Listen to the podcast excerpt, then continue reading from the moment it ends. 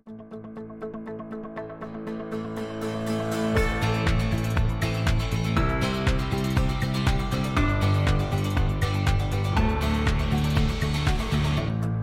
er det tid for å si velkommen til Sirkuler, AFA Norges podkast om sirkulær økonomi. Mitt navn er Nancy Strand, og jeg sitter her med Runar Baalsrud og Kåre Fostervoll, som er henholdsvis administrerende direktør og næringspolitisk direktør i AFA Norge. Og vi har planer om å oppsummere året som har gått, og kikke litt inn i krystallkula for 2024. Så velkommen til dere begge. Takk skal du ha. Altså mm, Jeg tror vi må, må liksom snakke litt om altså Nå skal vi snakke litt om sirkulærøkonomien. Hvor står vi egentlig? Hva, hva, og vi begynte egentlig rett før vi startet her nå. Er det grunn til å være positiv? Eller Jeg startet jo på en litt positiv note, og da sa Runar nei, jeg tror egentlig det blir for positivt. Så hva, er, vi, er vi litt i det deprimerte hjørnet, rett og slett? litt i det deprimerte hjørnet nå før jul. Ja. Ja, det, er, det er julestria som eh, tar Nei, jeg veit ikke helt. Men nei, det som eh, Det jeg tenker, da Jeg, jeg har jo nå vært i iallfall Norge ett år nå, drøyt år, eh, og kommer utafor bransjen. Og jeg har hørt, hørt, så mye om denne sirkulære økonomien. Og så må jeg, jeg må bare få lov til å også tilstå at jeg, jeg syns det går utrolig sakte. Og jeg syns at vi Jeg skulle ønske vi hadde fått til mye mer, mye raskere. da. Så, så, hele samfunnet er jo bygd opp rundt lineærøkonomi. Og det kommer jo noen sånne spor og noen tiltak her og der som er, eh, som er positive. Absolutt. Men samtidig så er det den der helhetstankesettet rundt og liksom hvordan vi kan få til disse sirkulære eh, forretningsmodellene det er eh, fortsatt et stykke dit. Altså. Så derfor så er jeg litt sånn eh, ja, ikke sånn super eh, jeg, jeg, er ikke så fornøyd med 2023 som vi kunne ha vært. Nei, Som du gjerne skulle ha vært? Ja. ja men altså, Kåre. Er det, er det, du har lang fartstid i politikken. Er det sånn at sirkulærøkonomi nå Det er veldig fi, mange fine begreper og ord, men drukner det litt i, i resten av samfunnsdebatten for tida, eller? Ja, altså Det er det jo fare for uh, hele tiden. Uh, vi har klimakrise, vi har energikrise, vi har kriger. Altså Det er mange ting da som tar fokus fra sirkulærøkonomien. Men samtidig så så tror jeg jeg kjenner på den samme utålmodigheten da, som Runa gjør. fordi at eh, dette for oss i bransjen så er det mange opplagte løsninger på en del utfordringer. Ikke mm. det at løsningene løser alle problemer, men kan bidra til å redusere klimagassutslipp. Eh, redusere presset på naturen. ikke sant? Og vi kan også få ned kostnader da, ved å ikke alltid måtte bruke jomfruelige materialer. Mm. Så for oss så ligger liksom det åpenbare rett foran oss, og vi ser jo masse gode eksempler i bransjen, hvordan de jobber. Men vi får det liksom ikke i system, og en helhet som gjør at alle kan dra i den samme retningen. Det blir veldig sånn basert på den enkelte medlemsbedrift hos oss. Eh, og så enkeltutspill da, fra politikerne. Mm. Men den der eh, sirkulære handlingsplanen som vi har gått og venta på altfor lenge, nå er jeg også negativ. Nå er vi akkurat ferdig med Black Week. Det er sikkert, det er sikkert derfor humøret er som det er i dag. Ja, ikke sant? Vi må jo si at uh, vi spiller inn denne podkasten uh, i, i, slutten av november, så, så vi er akkurat fullført, uh, fullført, Black Week, som gir litt grunn til ettertanke. Da. Men og vi, altså, vi, har stått den av alle tre, vi ja, i hvert fall. Vi har det. Vi har klart å komme oss igjennom uten ja, å handle. Ja. Mm. Jeg må si det, jeg ble med på å handle ny varmepumpe. Okay, okay. Det syns jeg jeg kunne forsvare. Jeg hadde et positivt positivt formål. Men altså, det var jo en av de fagansatte i AFA Norge som, eh, som, sa at eh, det er jo ikke rart at sirkulærøkonomi er vanskelig. For det er jo å sammenligne Vi går fra det å, å løpe stafett. Mm hvor du har en etappe, du overleverer stafettpinnen til neste, du vet hva som skjer. det kjenner vi godt. Eh, til en sirkulærøkonomi som ligner mer på hva var det hun sa? Å løpe lagorientering natt uten kart. Ja.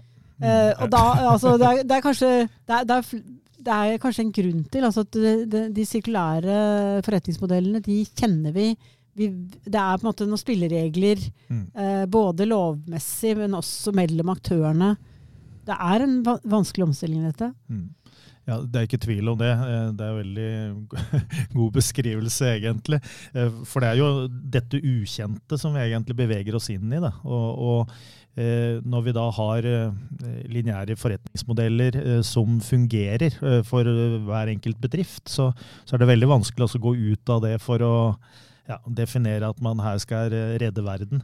Eh, men, men, det handler jo faktisk om at man er nødt for også å se på, på lovverk og skatte- og avgiftssystemet eh, og tenke sirkulærøkonomi og se hvordan man skal, kan skape de, forret, de nye eh, eh forretningsmodellene.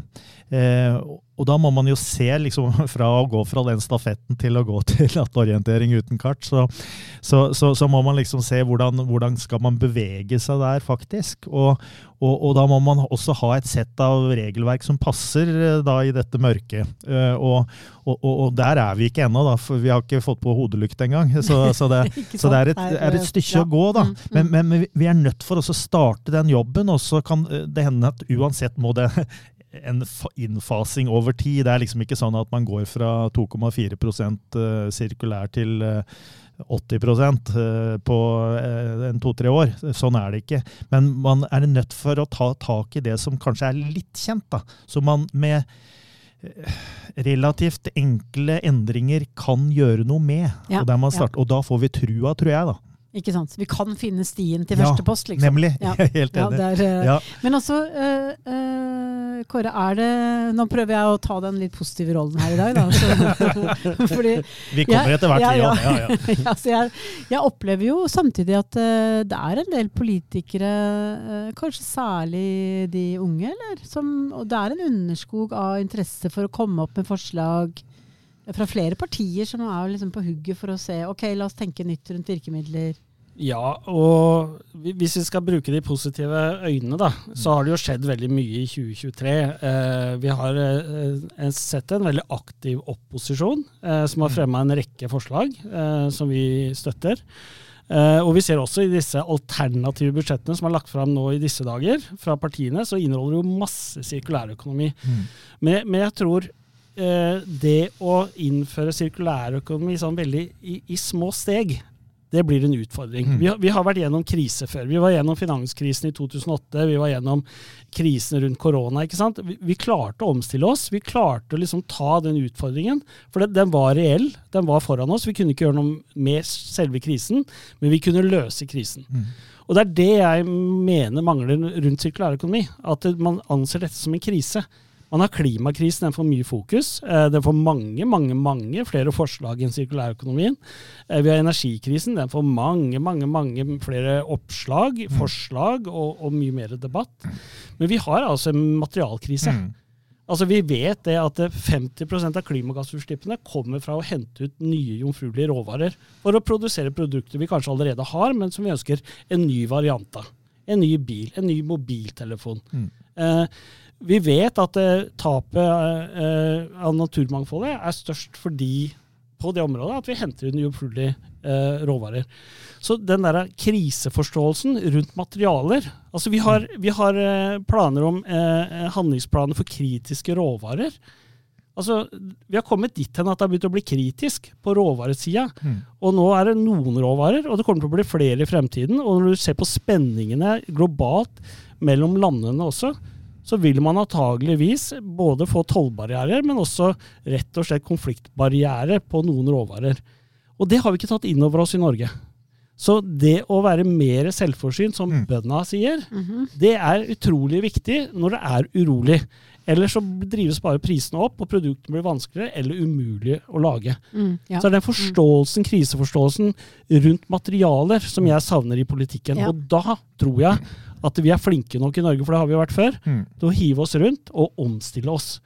Men ikke ett steg av gangen, men mange steg. Det er kanskje ikke da, det er kanskje ikke da eh, på en måte uh, tiltak, Det er ikke egentlig mangel på tiltak, men det er mangel på kriseforståelse. Mm.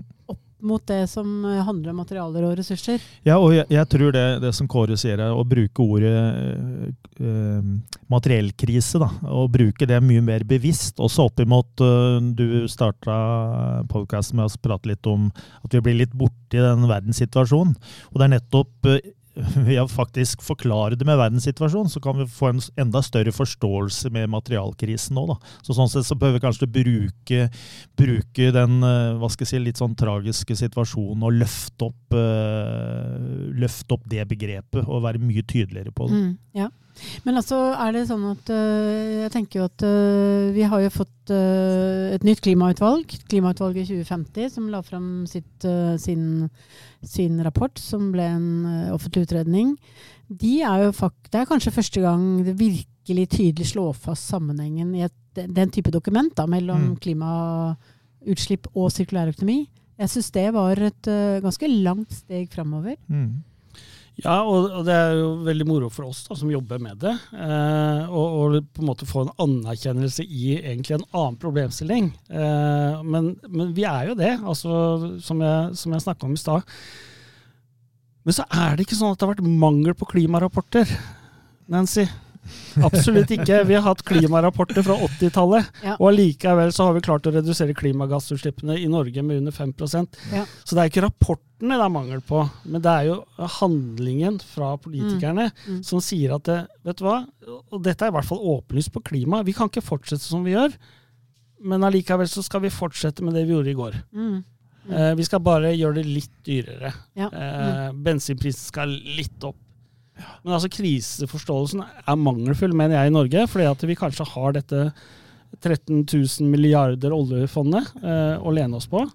Eh, mens du ser det i EU, og det er land som er langt fattigere enn Norge, ser på dette som en mulighet til å skape nye arbeidsplasser, mm. ny teknologi, ta vare på verdien som allerede er i omløp. Og det savner jeg i Norge. Ja, ja. Men jeg, jeg føler jo litt at den det som du sa nå, mangel på kriseforståelse. Mm. Egentlig, det, er, ikke, det, er, ikke, bare materialer og ressurser det handler om. Det er måte, litt sånn gjennomgående. Da. Vi snakker om kriser, men uh, vi tar det ikke egentlig innover oss. Nei, vi gjør ikke det. Og, og uh, det var derfor vi kanskje skøyt ned litt den der rapporten som du var så positiv over her innledningsvis. Da. Selv om ja, det er positivt, men det er bare en rapport. Og, og det, det, er liksom, det er et stykke derifra til å til å, at det virkelig skjer noe som manner. Eh, og i det, det, landet vårt så er det eh, ja, vi, vi, vi, prater jo om krise. Nå det, det, blir det renteheving igjen nå i desember hos Norges Bank. Og, og, det tror jeg virkelig det blir. For, i hvert fall når jeg var og titta rundt her i byen her på fredag og så på uh, Black Friday, så ser jeg at det er fortsatt uh, penger i omløp her. Virkelig. Altså, så du kan liksom Det ser ikke ut som et land i krise hvor folk uh, virkelig har en forståelse for denne krisen. og at det er noe krise i det hele tatt. Så, så vi er langt unna å, å være der. Og, og, og, vi må kjenne det mye mer på kroppen før at folk eh, flest skal liksom kjenne at dette er en krise. Mm, mm. Men altså, da, da, prøver jeg meg på en annen positiv vri, da. vi, litt, vi, skal, vi skal skyte vi, den ned. Vi må ha litt uh, flere stemmer her. Men for apropos det klimautvalgets rapport, da. Selv om jeg, jo, jeg har jo levd en stund, så jeg har jo sett disse rapportene komme og gå. Uh, dessverre. No, men, uh, men jeg tenker at de Klimautvalget bruker denne metodologien som de kaller UFF, som unngå um, flytte, forbedre. Må passe på ting i rekkefølge. Og for mange som jobber i avfallsbransjen, så er jo det også kjent som avfallspyramiden, eller mm. avfallshierarkiet. Men det som de kanskje setter veldig mye tydeligere, er jo at det, er, det, er, først når vi jobber med å unngå uh, materialer, unngå utslipp, unngå aktivitet som fører til uh, sløsing med ressurser eller sløsing med energi, det er først da vi kan ha sjanse til å nå de utslippsreduksjonsmålene. Da. Og det eh, syns at i hvert fall i de årene jeg har vært med innenfor avfall og gjenvinning, så er dette her med ombruk nå Det har virkelig fått en, en fart. da som noe som bransjen er opptatt av. Mm. Um, ja, det er, det er, veldig positivt å se, se, hva man gjør, og det er jo litt sånn pilotarbeid. Det å jobbe med ombruk. Det er ikke gitt at det skal være noe økonomi i det, men men jeg tror det er en utrolig viktig jobb i forhold til å få folk til å tenke litt annerledes. Og så har vi jo hatt på en måte et, et kjempestort ombruksmarked også i finn.no mm. gjennom mange år. Men det er jo det er noe alle gjør, men kanskje ikke snakker så veldig mye om. da. Eh, men når man får ombruksstasjoner eh, og, og, fysisk kan gå inn i en, en butikk og se, se, hva som ligger der Jeg, jeg syns det er kjempemoro på den lille jeg har oppe på leiligheten min eh, på Løren å gå innom der og hente pocketbøker. Mm. Eh, bøker som er lest av andre, og man leser sjelden en bok tre-fire ganger hvis ikke er en en superklassiker. Uh, men, men, det, det syns jeg er moro, den fysiske delen av det. Det å ikke bare shoppe et eller annet på nett og vente noen dager til det kommer i postkassa. Men rett og slett eh, kunne se hva som er tilgjengelig der ute. Og det er enormt mye der ute. Mm. Det har jo vi sett som har vært litt rundt. Eh, Så det er jo bare, det må vi bare si til alle lytterne. Det er bare anbefalt. Det er moro å gå. Så det er litt sånn julehandel det der å, å gå, for du kan få tak i gode produkter til en billig penge. Mm. Ja, og, og der vil jeg virkelig berømme bransjen for de initiativene man har tatt. Og noen var veldig tidlig ute også med det. Og nå ser man jo at det nærmest blir laget sånne eh, ombrukskjøpesenter. Eh, jeg var jo, har vært så heldig å vært noen turer oppe på Sirkula og sett eh, butikkene der. Og, og, og, det er jo nettopp du, du, føler liksom at du nesten kommer inn i en sånn godtebutikk, og, og du føler mer helt annet hva skal jeg si, meningsfylt da, ved at du faktisk handler der, og handler noe som er brukt, brukt, før.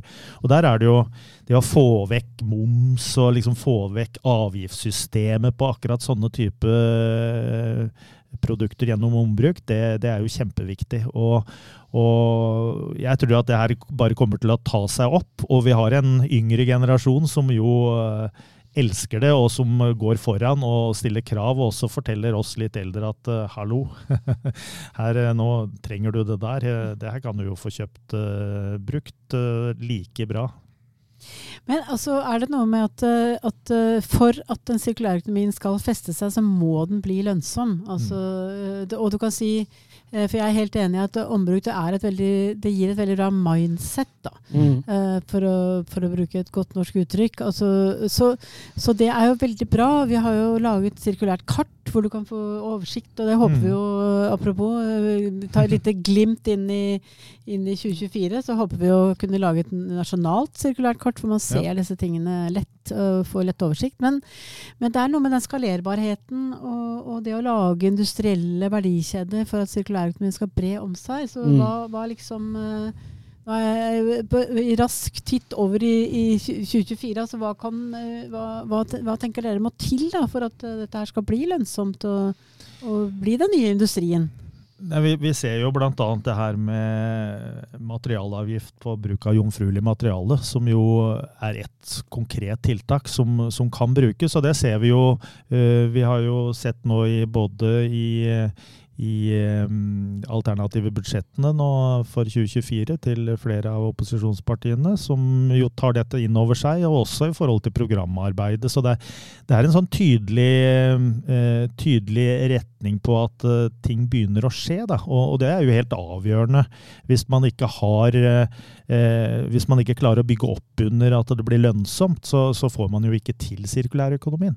Så det er et sånn helt, helt konkret eksempel da, som, som, som som kan bidra. Mm, ja. Så eh, en, av de, eh, en, av de, viktigste sakene nå for AFA Norge fremover er jo dette med, med markeder og, mm. og, markedet for resirkulerte råvarer og, og, og, brukte produkter. Så hva betyr det i praksis, Kåre?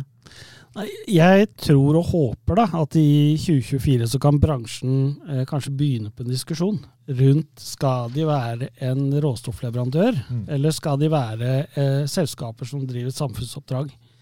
Eh, for det er noe med, med, Vi kan snakke om materialgjenvinning og vi kan snakke om eh, økt utsortering, men i enden der så skal det jo brukes på nytt. Og da er det jo snakk om standarder, kvaliteter, volum. Eh, måten vi har organisert oss på i bransjen. Og jeg har ikke løsningen på det, men jeg skulle gjerne ønske at det blei en bred debatt gjennom 2024.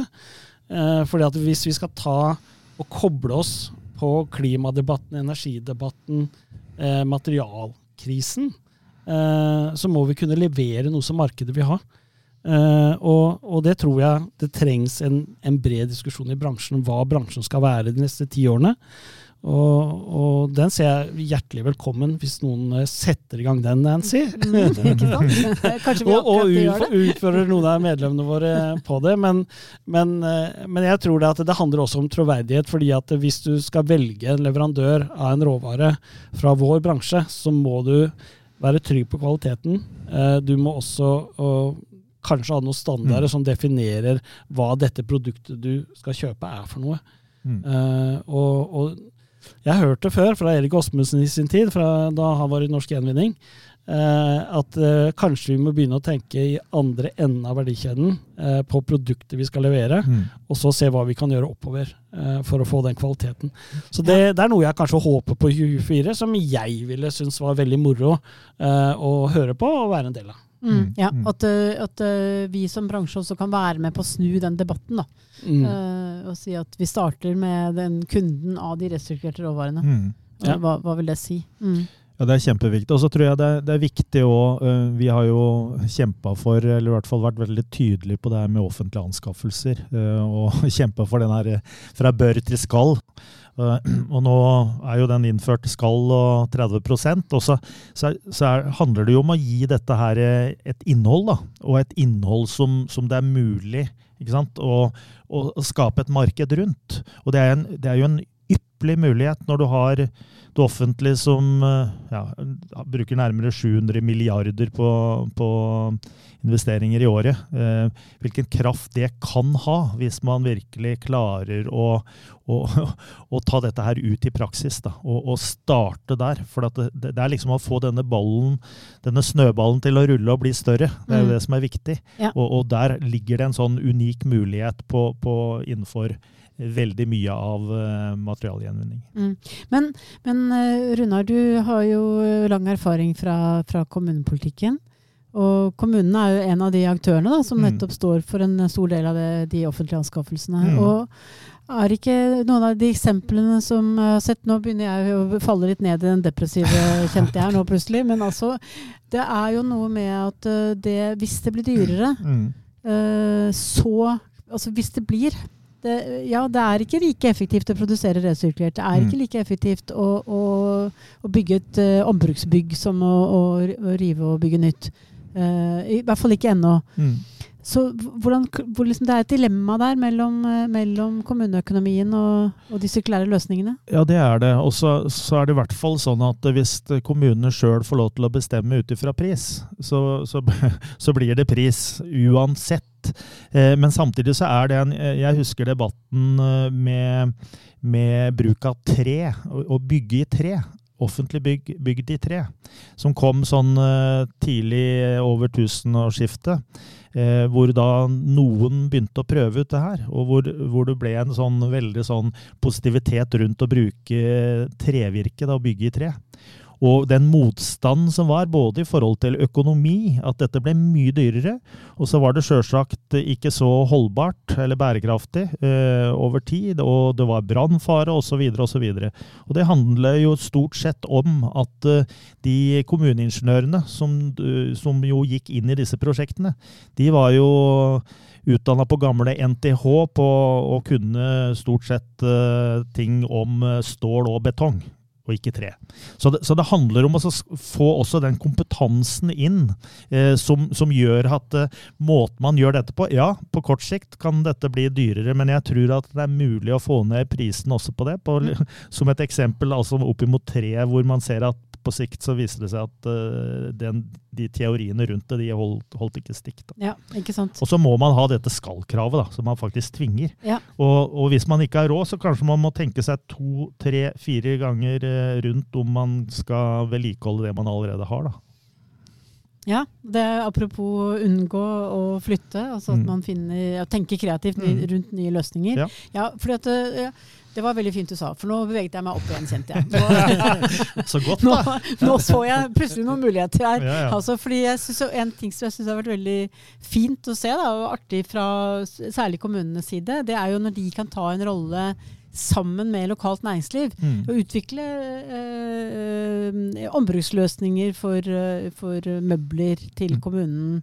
Kommunen. masse huber sammen med, sammen med lokale selskaper som, mm. uh, i forhold til infrastrukturprosjekter osv. Mm. Der er jo altså, Hva tenker du, Kåre, liksom i forhold til kan kommunen være i, i, enda større grad enn nå en pådriver eh, for disse sirkulære løsningene i samarbeid med privat næringsliv? Ja, det tror jeg absolutt. Og jeg tror jo også det kommer til å tvinge seg fram etter hvert. For det er ikke noe sånn at når jeg sier at det er materialkrise, så er det noe som, som vi, et ord vi bare har funnet opp. Men det er noe med at det, det blir begrensa med ressurser. Vi går fra 7 milliarder til 11 milliarder eh, veldig kjapt. Eh, og hvis de skal ha den samme levestandard osv., så, videre, så blir det jo press på de materialene som allerede er der. Og så har vi da eh, materialer i kommunen i form av avfall som, som kan gjenvinnes og gjenbrukes. Så, så, jeg vil jo tro det at det, det vil bli kjærkommet for politikerne etter hvert å utvikle et samarbeid med lokalt næringsliv for å se på gode løsninger. Eh, og så tror jeg også det handler mye om kunnskap. Eh, altså hva er mulig? Vi ser jo det at eh, innkjøpere i kommunene nå kurses eh, av DFØ for å, å, kunne stille med disse miljøkravene mm. som kommer fra første første. Eh, men så er det også noe med, med det eierskapet til, til temaet òg. For når vi ser når politikerne nasjonalt, spesielt nå, da, eh, begynner å snakke om mer og mer sirkulærøkonomi, og jeg, jeg, sitter med listen her over de alternative statsbudsjettene, som er mm. veldig hyggelig lesning fra, fra vår side. Mm. Her kommer det en rekke forslag som er, er positive for vår bransje. Eh, får antageligvis ikke så mye eh, flertall. Eh, det er gjerne regjeringen som bestemmer hoveddelen av budsjettet. Men det her viser jo hva de tenker. Og når de begynner å snakke om at ja, men dette her er mulig, det er mulig å legge på en avgift på jomfruelig plast f.eks. Eller det er, det er, mulig å øke Jeg ser jo fire-fem partier her ønsker å øke CO2-avgiften til 3000 kroner i 2030 istedenfor 2000. Altså, De begynner å bli utålmodige på vegne av klimaet, og hvis de blir utålmodige på vegne av sirkulærøkonomien, så skjer det også noe. Og det renner jo ut, for at dette blir jo tatt opp på landsstyremøter, mm. landsmøter, og der er jo ordførere til stede, ikke sant, ordførerkandidater. Uh, så det vil spre seg etter hvert. Men det er kanskje der utålmodigheten vår ligger. da, At uh, vår bransje og våre medlemmer de er i gang med dette allerede. Mm. Og trenger den der forankringen hos eierne sine, kommunene eller private investorer, på at det, dette er framtiden, og dette her ønsker vi å bidra til gjennom eventuelt offentlig innkjøp, eller være bevisst enkeltmennesker også. Mm. Uh, så jeg, jeg, er positiv jeg, i forhold til hva som skjer. og Nå skal jo programkomiteene i gang med sitt arbeid. eller Noen av de har jo starta allerede. Vi var jo hos Venstre sist fredag. Uh, og nå er det jo viktig for oss i AFA Norge å være til stede på programarbeidet til partiene og så få inn mye. fordi Sist eh, man kom fram med stortingsprogrammer, så hadde jo åtte av ni partier hadde jo et eget kapittel om sirkulærøkonomi. Mm. mm og det gjør det jo mye lettere å snakke med partiene om sirkulærøkonomi, for det står i partiprogrammet. Eh, ja, nemlig. Og, og, nå er det nye programmer på gang, og nå eh, starter vi det arbeidet. Ja, For det, programarbeidet, da snakker vi stortingsvalget? Da snakker vi stortingsvalget. 20, 25. De, de, har allerede begynt for 25 til 29, og 29 er veldig nærme 2030, som er sånn der, da er det mange ja. nye mål. Eh, så nå er det viktig å være på tilbudssiden fra vår side. Mm. Ok, Så da var vi over i en litt positiv tone. Ja, ja, ja, hva, absolutt. hva tenker du? Hva har du liksom, er det mulig å si allerede nå hva kan være det aller viktigste som må inn i de stortingsprogrammene for 2025 og utover? Vi, vi ble utfordra det nå på fredag. Så, så det som vi har jo vært inne på den kriseforståelsen rundt materialkrise. Og, eh, og, og, det handler, Men det handler jo om skal vi, liksom, skal vi få til den sirkulære økonomien, da, så handler det veldig mye om disse lovene og disse reglene. Sånn så man, man i stedet for å bygge opp en økonomi rundt eller alle disse reglene og lovene er bygd opp rundt uh, lineær økonomi, så må man ta det grepet og se på dette helhetlig for at man skal kunne dra dette i en sirkulær retning eh, på relativt kort tid. Og da, da, snakker vi faktisk om en del år. Mm. Eh, og det er det aller viktigste, for ellers, hvis vi ikke gjør det, så vil vi fortsatt drive med disse uh, små, men viktige tiltakene som liksom drar oss en millimeter framover her og en millimeter framover der. Men, men uh, vi kommer ikke noe særlig lenger enn til den der uh, første posten i den nattorienteringa. Altså. Mm, så, så, så, så, det er kanskje det aller viktigste. Og så er alle disse tiltakene ellers også viktige, men, men det å ta det hovedgrepet tror jeg blir kjempeviktig kjempeviktig. Mm. Og så har jeg lyst til å si én ting Når vi snakker om også fram... Du tror han var politiker? Han, ja, skulle jeg si det.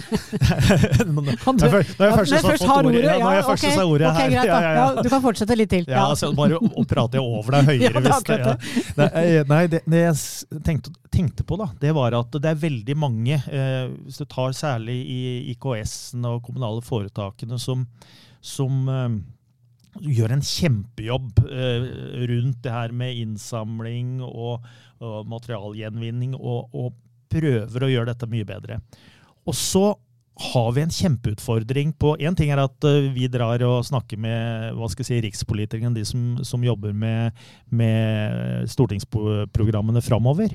Men dette må også forankres lokalt. Og det må forankres lokalt og gis en forståelse for hva er det disse selskapene egentlig holder på med?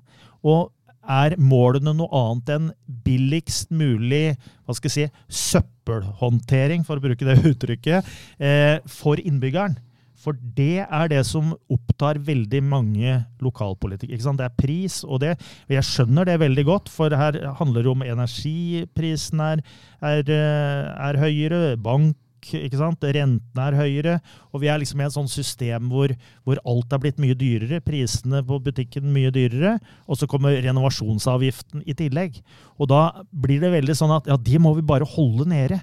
Men det å skape en forståelse for hva dette egentlig handler om, og at det også går ut til de eierne som da kommunestyret lokalt er, å være bedre på å gi de den eh, innsikten, det er også en oppgave som eh, vi, iallfall Norge, skal ta på oss. Og bidra til den hva skal jeg si, kursinga. Og derfor har vi veldig lyst til nå i 2024 å begynne å jobbe med, med, med å lage et program som kan, som eh, kan rulles ut som politikeropplæring. Ja, nettopp. Og det, eh, det, kan man jo virkelig undertegne på, på det behovet, da. Eh, men altså, er det sånn at, eh, at når vi ser på, på, det som er bransjens egeninnsats, da, så har vi en annen sak på, på prioriteringslisten til AFO Norge, og det er jo dette her med å øke innsamlings- og gjenvinningsgraden. Mm. Så er det kanskje noe av dette som butter i at rammevilkårene ikke er gode mm. nok, men hva kan for det er jo et eller annet at vi står liksom vi, Det er liksom pluss-minus 40, det har det vært ganske lenge nå. Og mye regelverk kommer fra EU. Men hva det liksom Hva tenker dere er de viktigste grepene som må til da, for, å, for å øke den uh, innsamlings- og gjenvinningsgraden? Ja, Man kan jo si hva man privat tenker. Kom med det først. og så... Jeg, jeg, tror at uansett hva jeg sier nå, så vil det medføre en eller annen debatt uh, blant lytterne. og det, det, er jo kanskje det jeg etterlyser òg, men, men, det er noe med altså Det vanskeligste er jo når det havner i restavfallet. Mm. Altså, Den posen der er vanskelig å gjøre noe med. Uh, og nå er det ute på høring, ikke sant, en uh, skal man ha gebyrdifferensiering? Mm. Eh, hvordan skal man gjøre det? Er det en større eller mindre beholder eller ikke? Eh, med min, min kongstanke, da, eh, for å få jeg, jeg, altså Min erfaring er at det, folk er veldig styrt av økonomi og det man kan påvirke selv. Uh, så min kongstanke, uten å si at det er iallfall Norges, men det er min personlige, hadde jo vært at det blei billigere og kanskje gratis også å levere sortert avfall. Og så må mm. du betale veldig mye mer for restavfallet. Mm. Og da, da, vil vi nok havne i situasjoner der noen smugler noe restavfall over i plastdunken eller noe sånt noe. Eh, så det må kanskje være et ris, eh, et gebyr der, som du får hvis du feilsorterer. Eh, men, eh, men, men, bare sånn personlig da, så tenker jeg sånn at eh, hvis det hadde vært gratis å levere sortert plast eh, og emballasje, da, nå skal vi samle inn all plast, men emballasjen og papir og papp og, og glass og metall, og det ikke kosta meg noe. Og jeg kunne også gå inn på appen til mitt lokale renovasjonsselskap og si i morgen så behøver du ikke hente dunken min. Mm. Uh, og hvis de da har digitalisert, så kan de legge opp en ny kjørerute ut ifra de som har sagt ja og nei til å hente dunken. Så, så, at jeg ikke passivt må forholde meg til det, at uh, i morgen så må du sette ut en grønn eller blå ulike farger, ulike deler av landet. Men kanskje det jeg ønsker meg for 2024, da, hvis jeg skal ha sånn julegaveønske eller nyttårsønske, det var jo å, å tørre å tenke litt nytt rundt uh, dette med hvordan man differensierer avgiften for å motivere atferd. Ja, mm, ikke sant. Og det er jo ikke bare i offentlig sektor, det gjelder jo i, i Absolutt. privat også. Måten man mm. priser tjenesten på, rett og slett. Ja, Men skal vi benytte anledning til litt grann egenreklame, eller? For vi hadde også en podkast om dette her tidligere i høsten 2023, om uh, dette med differensierte gebyrer, mm. så der sier vi også litt mer om det. Så det, det jeg syns dette er veldig bra. Takk, Nyhetene kommer på Avfall Norges ja, podkast. ikke sant? Det er, der, det er, der, det skjer. Ja, men hva sier du, Runar? Jo, jeg må jo si at jeg henger meg jo på Kåre. Eh, så jeg vet ikke om det er han som har påvirka meg til å også mene omtrent det samme om det her. Men det er i hvert fall som er min erfaring at funker eh, ute i en kommune det er eh, med en gang det er snakk om lommeboka, og at ting blir dyrere eller ting blir billigere. Da reagerer innbyggerne. Og jeg tror å ha et, eh, et, system som belønner de som er flinke, og som straffer de som ikke er flinke, det, det kjenner jeg at det i hvert fall den erfaringen jeg har fra Kommune-Norge, så, så, så, passer det veldig bra.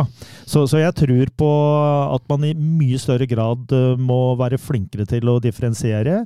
Og gjerne ha gratis på det som man klarer å kildesortere ut. Og så må vi betale dyrt for, eh, for eh, restavfallet vårt, rett og slett. Og så kan det hende vi må ha noen støtteordninger til noen småbarnsforeldre, et eller annet sånt. Sånn, bare for å ta ned den med en gang. Ja, jeg, jeg, jeg, sier bare send en mail til sirkulier at alfanorge.no hvis du mener om dette. Så, for det, det, det, er jo det vi gjerne vil. Vi vil jo mhm. gjerne bidra til en debatt her. Ja. Eh, fordi her eh, Opptil flere ting av det dere har sagt nå som gjør at jeg tenker at oi, det her må vi sikkert diskutere, men det er jo, det er jo bra. Mm. For det, det har vært veldig spennende hvis vi kunne virkelig rendyrke eh, denne, denne, måten å tenke på, i hvert fall. Ja, altså, og så tror jeg vi er veldig klar over det, at det er jo forskjell på, på grisgrendte strøk og, og, store mm. byer og, og, mange problemstillinger som dukker opp. Men jeg tror hvis ikke vi som bransje tar debatten, så skjer det det som skjedde i Danmark. Og det var at politikerne gikk inn og så sa det sånn blir det.